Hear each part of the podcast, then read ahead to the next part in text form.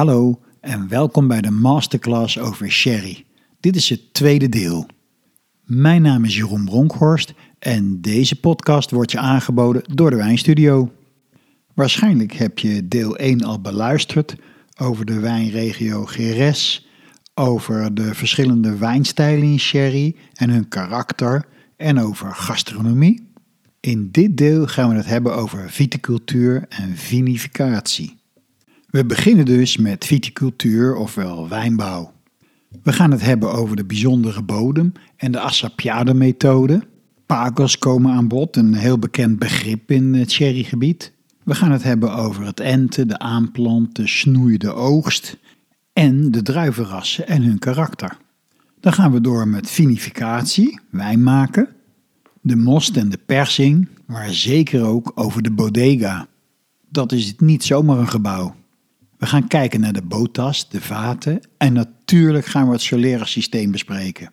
Het effect van oxidatie en het aanzoeten van wijn komt aan bod. En het laatste onderdeel is de organisatie, de Consejo Regulador en de export. En iets over de toekomst van sherry.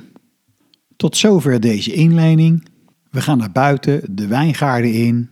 En het eerste wat we bekijken is de bodem.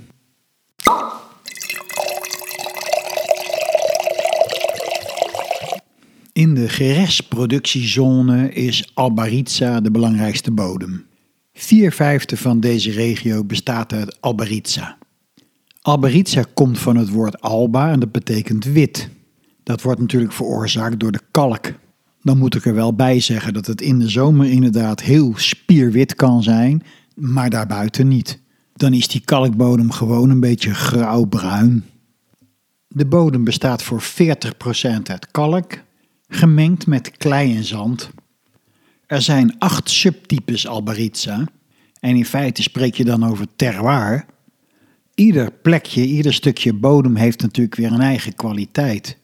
Die subtypes Albaritza zijn Anteuguelas, Lentejuelas, Tosca Serrada, Tosca Basta, Tosca de Barguelas, Albaritza Parda, Albaritza Tagon en Lustrillo. Ik kan me voorstellen dat het even een tijdje duurt voordat je dit uit je hoofd geleerd hebt. Lijkt me ook helemaal niet nodig. Maar het lijkt me wel goed dat je het een keer gehoord hebt, dat je het herkent als er over gepraat wordt. Naast de Alberitse zijn er nog twee andere bodemtypes. De Arena, dat is geel zand met maximaal 20% kalk. En Barros, dat is een bruine vruchtbare leenbodem. Alberitse is de meest gewaardeerde van die drie. Het kan maar liefst 75% water vasthouden. En dat is erg belangrijk in deze regio, want zoals al eerder gezegd, er valt maar 600 mm regen.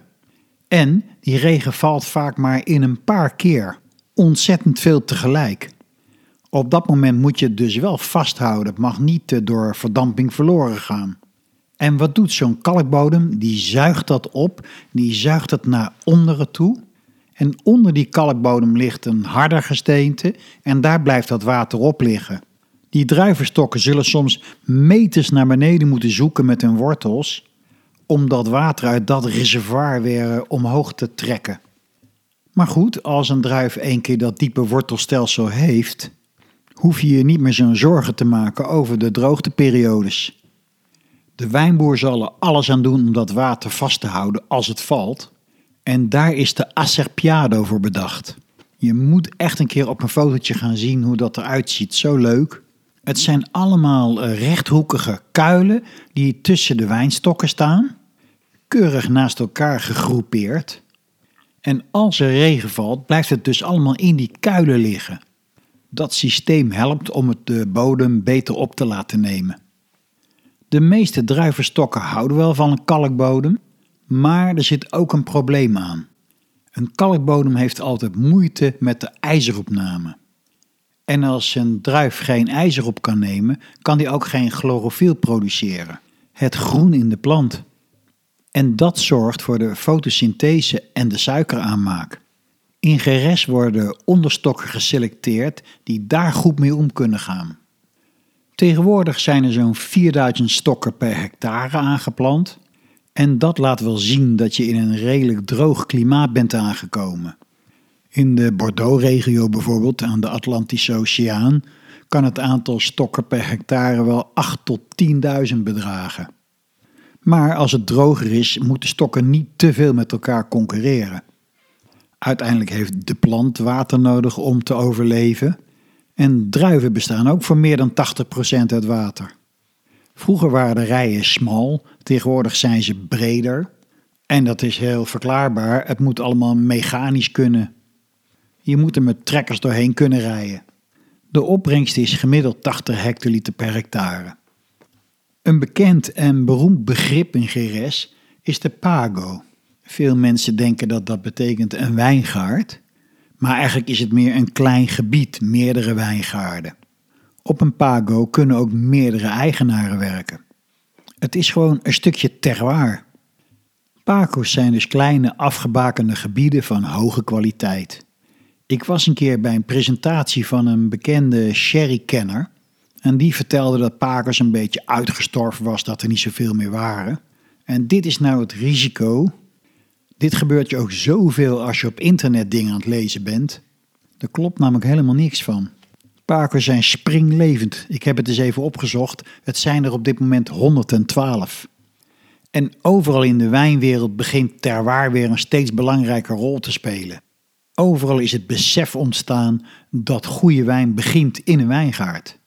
Zoals je waarschijnlijk wel weet, moeten bijna alle wijnstokken op Amerikaanse onderstokken geënt worden als bescherming tegen de druifluis. In Geres gebeurt iets heel interessants wat ik verder nergens zie. Ik zie overal wijnboeren die zelf enten. Overal in de wereld worden enten eigenlijk kant-en-klaar gekocht van bedrijven die daarin gespecialiseerd zijn. Maar in Geres kan een wijnboer je nog laten zien hoe het moet. Je neemt een twijgje van een Vitis vinifera, de Europese druif, en een twijgje van de Amerikaanse druif, die laatste wordt de onderstok. In die onderstok snij je een inkeping. Van de Vitis vinifera maak je een soort uh, platte pijl. Die schuif je in die inkeping en je bindt het geheel weer stevig vast met raffia. Zo'n stokje zet je in de grond. Je zorgt dat hij de eerste tijd wel water heeft. En rempel, er komen worteltjes uit. Het wordt gewoon weer een druivenstok. Gires is een vrij platte wijnregio. Qua natuur is het niet zo spannend, vind ik. En omdat het zo plat is, zie je ook soms hele grote wijngaarden. Over het algemeen staan de rijen noord-zuid om optimaal te profiteren van het zonlicht. En dat vind ik eigenlijk wel bijzonder als je erover nadenkt. Er is verschrikkelijk veel licht, hè? wat ik zei, 3000 uur per jaar. Het is ook hartstikke heet. Maar blijkbaar moeten die druiven toch optimaal profiteren van die zon. Bijna alle druiven worden zo gesnoeid dat ze langs een draad geleid kunnen worden. En de methode daarvoor heet de Vara i Pulgar. En dat betekent stok en duim. Ik heb eigenlijk heel lang gedacht dat dat een unieke methode uit GRS was. Maar het enige unieke is de naam. Want het is gewoon Guyot Simple. Zo'n beetje de meest gebruikte methode in de wereld. De duim, het korte gedeelte, is dus een twijg die je heel dicht bij de stam afsnijdt en je zorgt dat je daarbij één of twee knoppen overhoudt. Eén daarvan geeft de twijg van het nieuwe jaar. De varen is de lange twijg en daarop haal je gemiddeld acht knoppen over. En op elke knop komt natuurlijk eerstejaars hout. En zoals we weten groeien druiven alleen op eerstejaars hout. Die twijgen groeien naar boven en die kan je natuurlijk vastzetten aan een draadgeleiding. Het oogsten gebeurt steeds meer s'nachts, omdat uit ervaring gebleken is dat dan de aromas beter bewaard blijven. Overdag zou je kunnen zeggen staat een druif meer open, hij geeft meer aromas af. S'avonds is die gesloten, houdt hij het voor zichzelf. En ik weet het nog heel goed, een van de eerste, of misschien wel de eerste persoon die daarmee begon, was in de Languedoc een wijnmaker en die werd in de omgeving Le Fou genoemd, ofwel de gek. Die ging s'nachts plukken. Ja, als je de eerste en de enige bent, dan denkt iedereen natuurlijk, er is een steekje los met je. Maar nu doet de halve wereld het. En het fijne van plukmachines is, je zet een paar stevige lampen aan en je rijdt maar door. Toch wordt er nog steeds veel meer handmatig dan machinaal geplukt. En ook daarvoor is draadgeleiding een handige methode.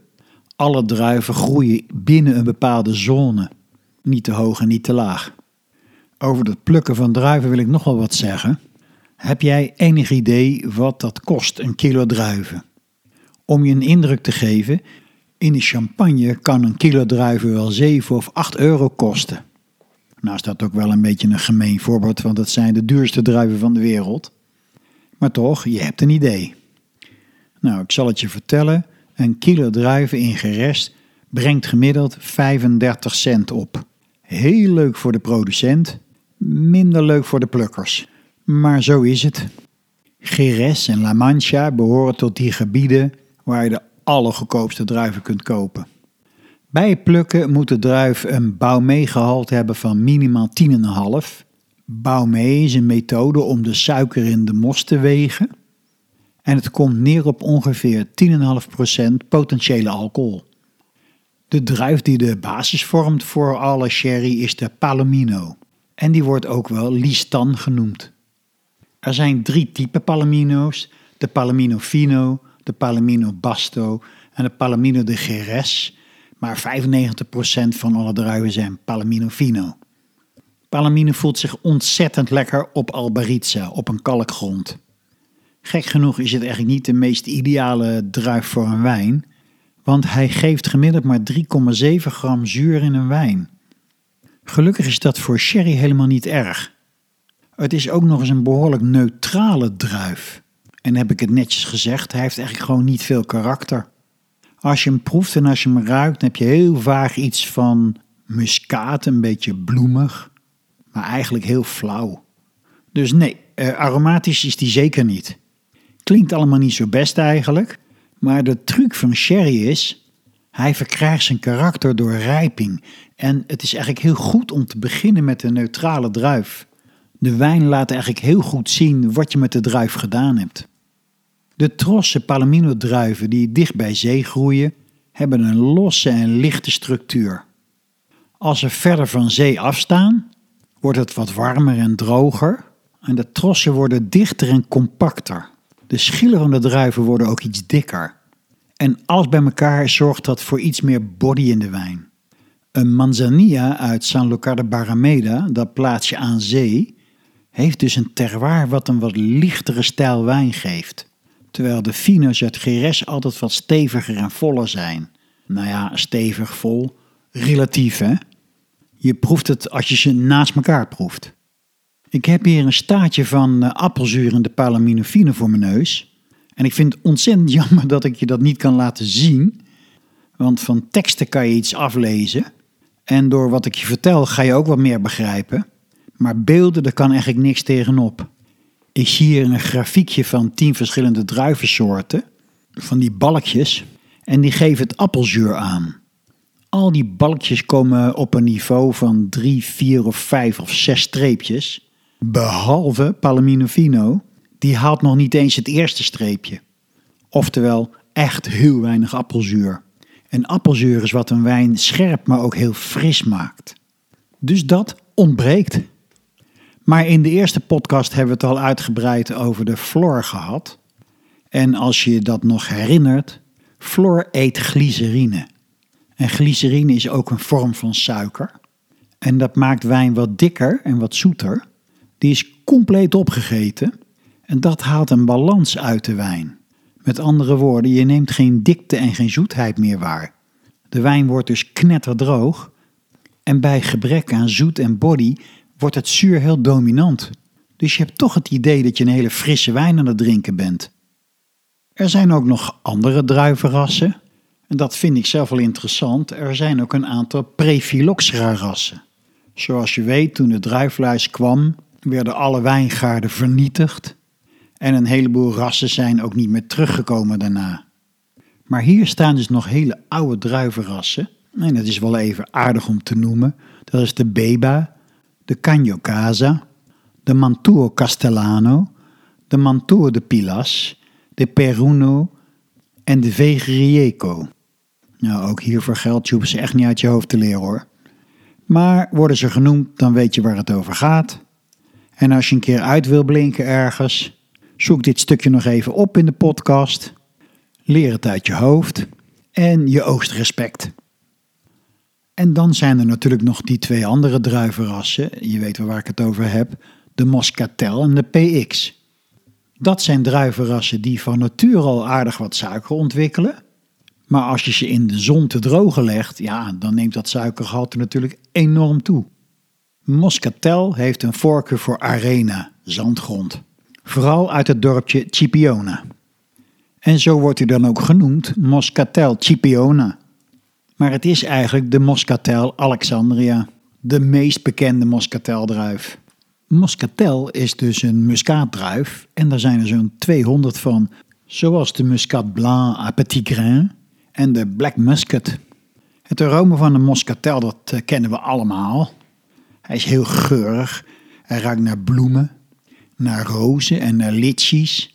En ja, misschien is het wat raar om te zeggen, maar ik vind muscat de oergeur van de druif. In augustus liggen ze vaak super rijp op de markt. En als je er dan voor staat, dan ruik je onmiskenbaar druiven. Moscateldruiven worden in de Jerez-regio heel laat geplukt als ze erg rijp zijn. En dan worden ze te drogen gelegd op matten van aspertogras. En dat drogen heet acelo. Om er een zoete wijn van te maken, moet die van zichzelf al minimaal 160 gram suiker per liter bevatten. En dan is er natuurlijk die hele bekende andere druif, de PX, oftewel Pedro Jiménez. Sommige mensen zeggen Pedro Jiménez, maar dat klopt niet. Er zit een accentstreepje boven de E. Er is een hardnekkig verhaal over Pedro Jiménez, dat het eigenlijk een Riesling is. Nou, wie dat verzonnen heeft, daar kan ik echt niet bij. Want het lijkt er werkelijk totaal niet op. En nog sterker, het thuisland van de Riesling, Duitsland, daar zou PX het helemaal niet doen. Hij kan daar helemaal niet rijp worden. PX doet het goed in een heel warm klimaat. Hij bevat van nature veel suiker, maar hij wordt altijd ingedroogd. En voor een zoete wijn van PX moet het minimum suikergehalte maar liefst 212 gram zijn. Ik weet niet of je een beetje iets ervan weet van suikergehaltes, maar dat is echt veel. En het wordt nog erger, want de wijn van beide druiven komt in een solaire systeem terecht. En zoals je weet geven vaten altijd een verdamping van zo'n 3% per jaar. Dus die wijn dikt ook nog eens heel erg in. Het is altijd zo leuk als ik hem laat proeven. Want dan ga ik er eerst over vertellen. En dan zeg ik, nou, dat is een witte wijn. En dan schenk ik hem in en dan komt er vaak een donkerbruine, soms pikzwarte, stroopachtige wijn uit. Dat is al één. En dan gaan mensen proeven. En zo'n stroperige wijn is natuurlijk vreselijk zoet. Maar al die gekarameliseerde suikers die die kleur veroorzaakt hebben, ontwikkelen ook heel veel aroma's. Bij PX mag je gerust denken aan vijgen, dadels, noten, krenten, rozijnen, Haagse hopjes, sinaasappelschil, koffie en chocola, karamel, stroop, appelstroop, nou noem het maar op. Dus de meeste mensen vinden het erg lekker tijdens een proeverij. Hoewel je eigenlijk niet meer dan één glaasje op kan. Het is zo vullend. En dan laat ik zien aan iedereen hoeveel suiker er eigenlijk in zit. Want dat kan oplopen tot 400, soms 500 gram per liter. Dus dat wijs ik dan aan op de fles. Kijk, tot zover heb je het over pure druivensuiker.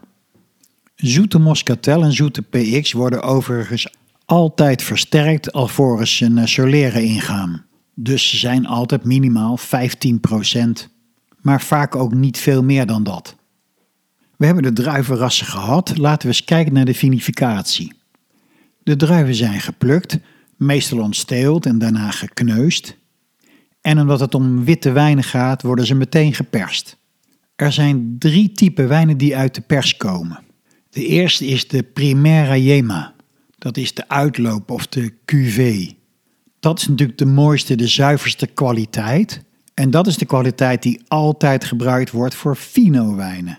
Waarvan ik al zei, die zijn heel gevoelig voor elk aroma wat erin zit. Je proeft en ruikt alles meteen. De Secunda Yema is de pers, of wat ze in Frankrijk de taille noemen. En dan kun je daarna nog een keer persen. En dan krijg je de Mosto de Prensa. De perswijn, in het Frans de Mark. Dat is natuurlijk een veel mindere kwaliteit. En die wordt altijd gebruikt om te distilleren. De wijn gaat vergist worden. En als je niets doet, treedt er ook een malolactische omzetting op. De natuurlijke omzetting door bacteriën van het harde, scherpe appelzuur in het veel zachtere melkzuur. Maar bij fino's wordt dat niet toegestaan. Dat zou te veel ten koste van de frisheid gaan. In zo'n warme regio mogen wijnen meestal aangezuurd worden. En dat geldt ook voor sherry. Je mag aanzuren met wijnsteenzuur, maar voor de vergisting. Dan wordt de wijn versterkt met alcohol, of eigenlijk moet ik zeggen ethanol van 96%. Daardoor stopt de vergisting. Dat is ongeveer de zuiverste kwaliteit die je kunt krijgen. Als je het nog zuiverder wil maken, gaat het je heel veel geld kosten en de alcohol verdampt.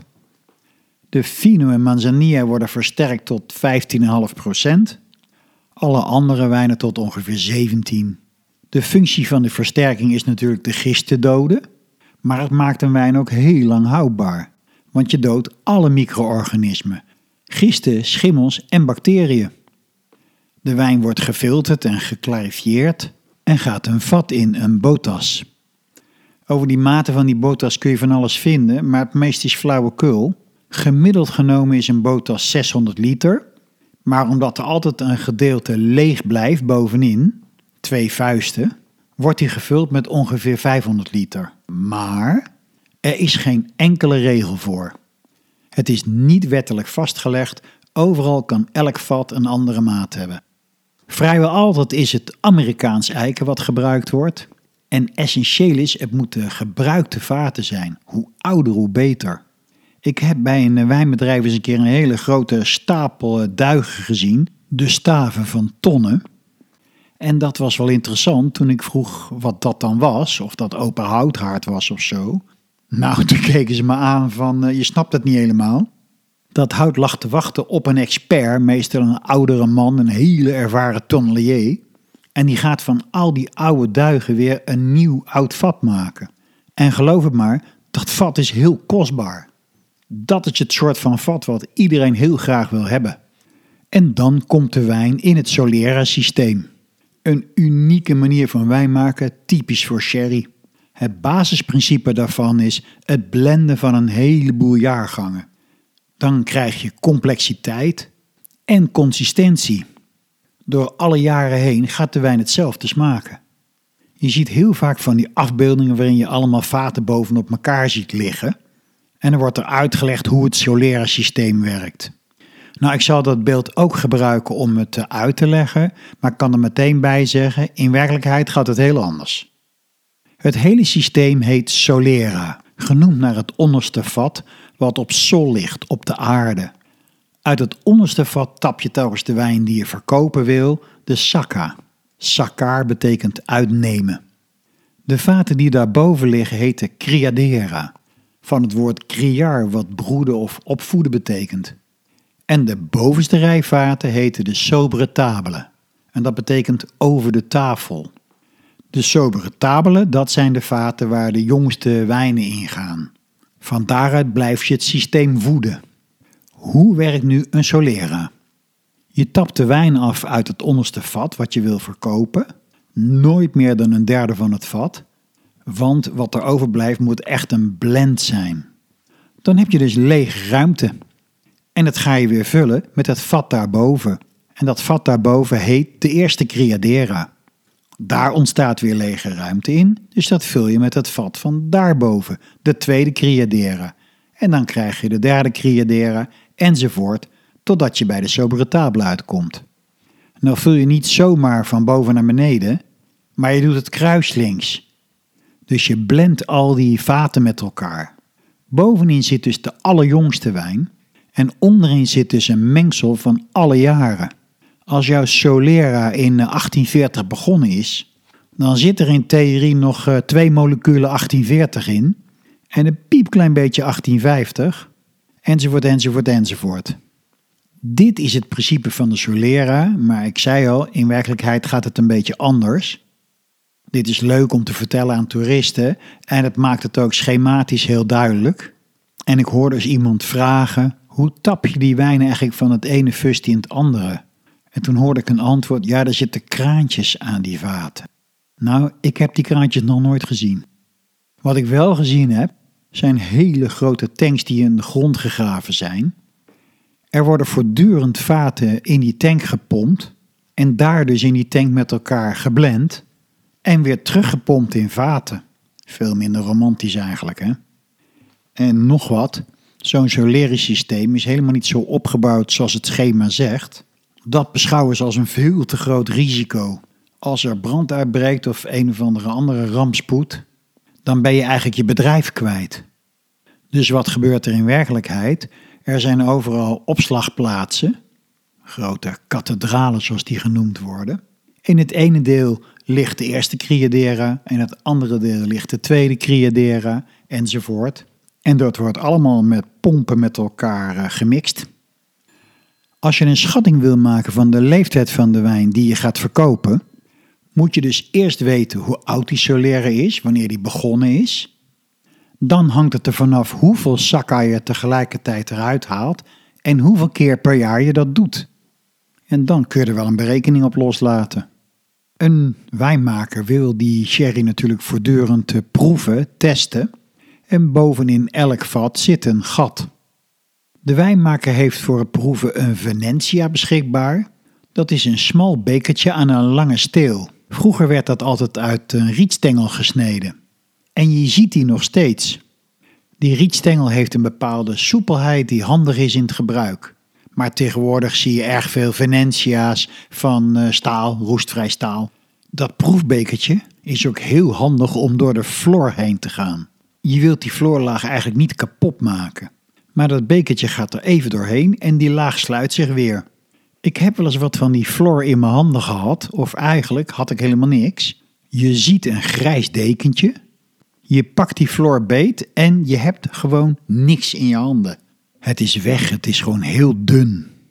Er zijn ook mensen die er een hele voorstelling van maken om met de Venetia te schenken.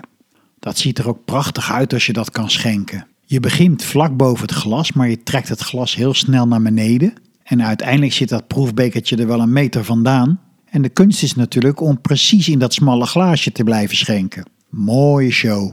En iemand die dat kan, heet de Venenciador. We gaan nog even terug naar de Solera. Dat hele Solera-systeem heeft een paar zaken nodig om eh, goed te functioneren. En nummer 1 is frisse lucht, zuurstof. Dat geldt voor alle sherry's van Fino tot Oloroso. Daarom zijn die kathedralen ontzettend hoog, vaak wel 15 meter. En helemaal bovenin zijn er tochtgaten gemaakt, die lopen van oost naar west. De tweede voorwaarde is verkoeling. Ook dan helpt een hele hoge ruimte natuurlijk, maar de muren zijn ook ontzettend dik, vaak 60 eh, centimeter of meer. Zo'n bodega is altijd een langwerpig gebouw en de smalle zijde is op het zuiden. Bovendien wordt de zuidkant altijd beplant. Planten zijn een uitstekende manier om schaduw te geven en om eh, warmte tegen te gaan. Er zijn een paar ramen, niet te veel, en daar mag geen direct zonlicht doorheen schijnen. Dus zijn een soort jaloezieën gemaakt van aspertogras, matten eigenlijk. En de derde voorwaarde is vocht. De bodem van een bodeca heet albero en dat is een gravelbodem. Dat is gemalen puin van gebakken klei, zoals eh, bakstenen en eh, dakpannen. En dat zuigt natuurlijk water op. Elke drie dagen wordt die bodem besprenkeld met water. Zo hou je vocht en koelte in de bodega. En wat ik wel leuk vind om te vermelden, eigenlijk hebben alle bodegas een eigen terroir. Het maakt voor de wijn heel veel uit waar die opgevoed is. In San Lucar de Barrameda aan de zee hoorde ik een mooi verhaal van een wijnmaker. Zijn grootvader was iemand met heel weinig geld, maar die wilde toch heel graag een eigen wijnbedrijf beginnen. Maar omdat hij zo arm was, kreeg hij eigenlijk het slechtste stukje grond om een gebouw neer te zetten. Boven de bedding van een oude rivier. Een heel vochtige plek, nooit fijn voor je huis natuurlijk. Het meest impopulaire stukje grond, daar mocht hij dan zijn gang gaan. Hij heeft daar stukje bij beetje een bodega opgebouwd. En wat bleek toen? Nergens groeide Le Flore zo goed als daar. Nergens werd hij zo dik. Uiteindelijk produceerde hij gewoon de beste manzanilla. Dat hadden die anderen even niet voorzien. En dat laat zien bij sherry. Het komt uit een bepaald gebied. Het begint met een bepaalde kwaliteit druif. Maar zoals ik al zei, dat is een neutrale druif. Met ook nog eens een laag zuur. De kwaliteit bij sherry komt vooral van het wijn maken. Goed, even terug naar die wijn in die bodega. Al die wijnen hebben dus oxidatie nodig. De fino's zodat de flor zich goed kan blijven ontwikkelen. En de andere wijnen voor een eh, oxidatieve aroma's van walnoten en gedroogd fruit en specerijen en leer. En overigens gaan ook de azijnen en de brandies allemaal door een Solera-systeem heen. Er zijn drie bodeca-types. De bodecas de Crianza y Expedición, dus Crianza rijpen en Expedición verkopen. De bodecas de Crianza y Almacenado, die mogen alleen maar wijnen rijpen. En de wijnmaker die zijn wijnen laat rijpen heten almancenistas. Ze mogen hun wijnen alleen verkopen aan de Bodeca de Crianza y Expedición. En dan zijn er nog de Bodecas de Producción. Die mogen wijnen maken, maar geen sherry. Tot zover de vinificatie van sherry. Heb jij enig idee hoeveel sherry er gemaakt wordt en waar het verkocht wordt? En hoeveel producenten er zijn? In volume zit sherry tussen Madeira en port in. Madeira is heel klein en port is best heel groot. Er wordt op dit moment ongeveer 21 miljoen liter sherry per jaar geproduceerd. En mijn laatste telling was dat er 82 producenten zijn. En in Nederland zijn ongeveer 30 merken te koop. Wat denk je dat de meest verkochte sherry-stijlen zijn? Nou, mensen met een wijnwinkel die hebben waarschijnlijk wel een vermoeden. De cream staat bovenaan. Ja, dat is natuurlijk de makkelijkste, de zoete sherry. Maar dan, heel verrassend, daarna komt de fino en de manzanilla. Dus juist de hele droge stijlen. En wat zijn de belangrijke exportmarkten? Nou, daar heb je waarschijnlijk ook wel een vermoeden van. Nummer 1 verkoopmarkt is natuurlijk Spanje. Maar wat komt er daarna? Nou, de grootste markt, dat kun je waarschijnlijk ook wel raden, dat is Engeland. Engelsen zijn altijd een hele grote fan van sherry geweest en hebben veel betekend voor de ontwikkeling en de verkoop. Maar dan komt Nederland.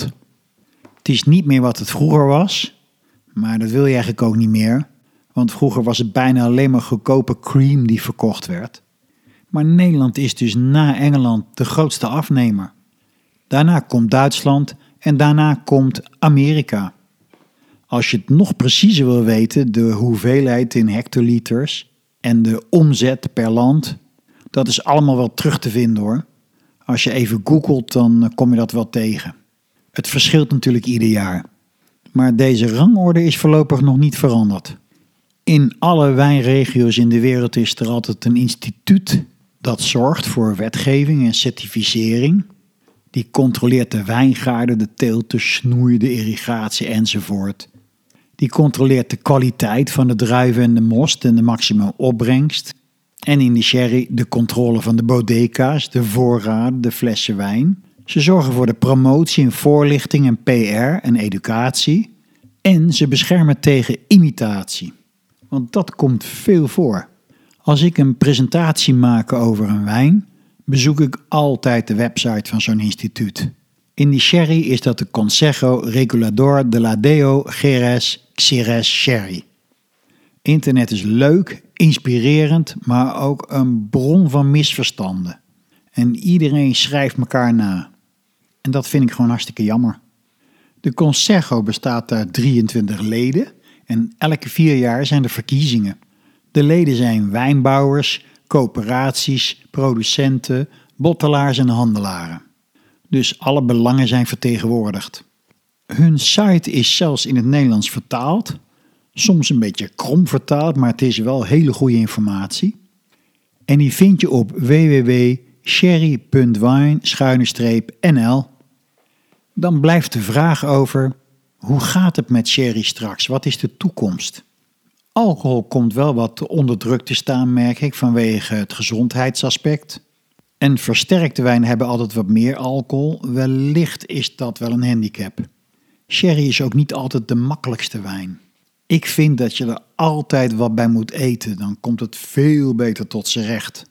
En dan merk je dat sherry echt een top gastronomische wijn is.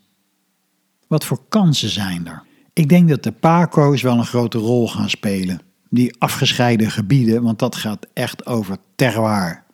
Er zijn nu ook eh, droge, niet versterkte wijnen van Palomino Fino. Erg lekker eigenlijk. Ik denk dat de speciale wijnen het goed gaan doen. De Enrama en de Passada.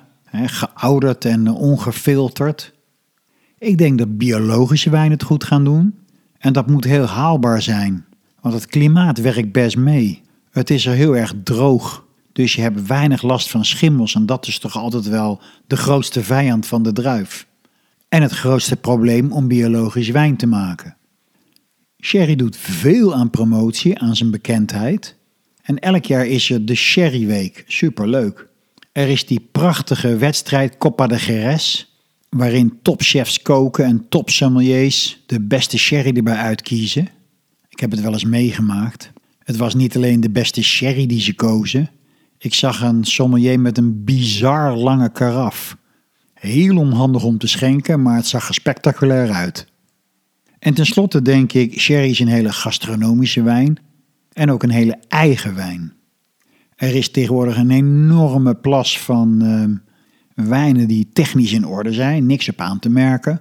Niet te duur, maar eigenlijk ook gewoon karakterloos. En sherry onderscheidt zich met die hele uitgesproken verschillende eigen stijlen. Hiermee hebben we alles wel eh, behandeld van sherry. Ik hoop dat je het leuk vond.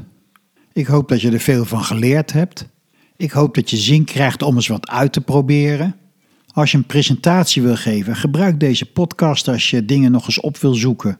Als je nog even precies wil weten hoe het zit. En in deze serie Masterclass behandel ik nog meer mooie wijnen heel uitgebreid. Ik nodig je van harte uit om er weer bij te zijn. Mijn naam is Jeroen Bronkhorst. Deze podcast wordt je aangeboden door de Wijnstudio. En tot de volgende.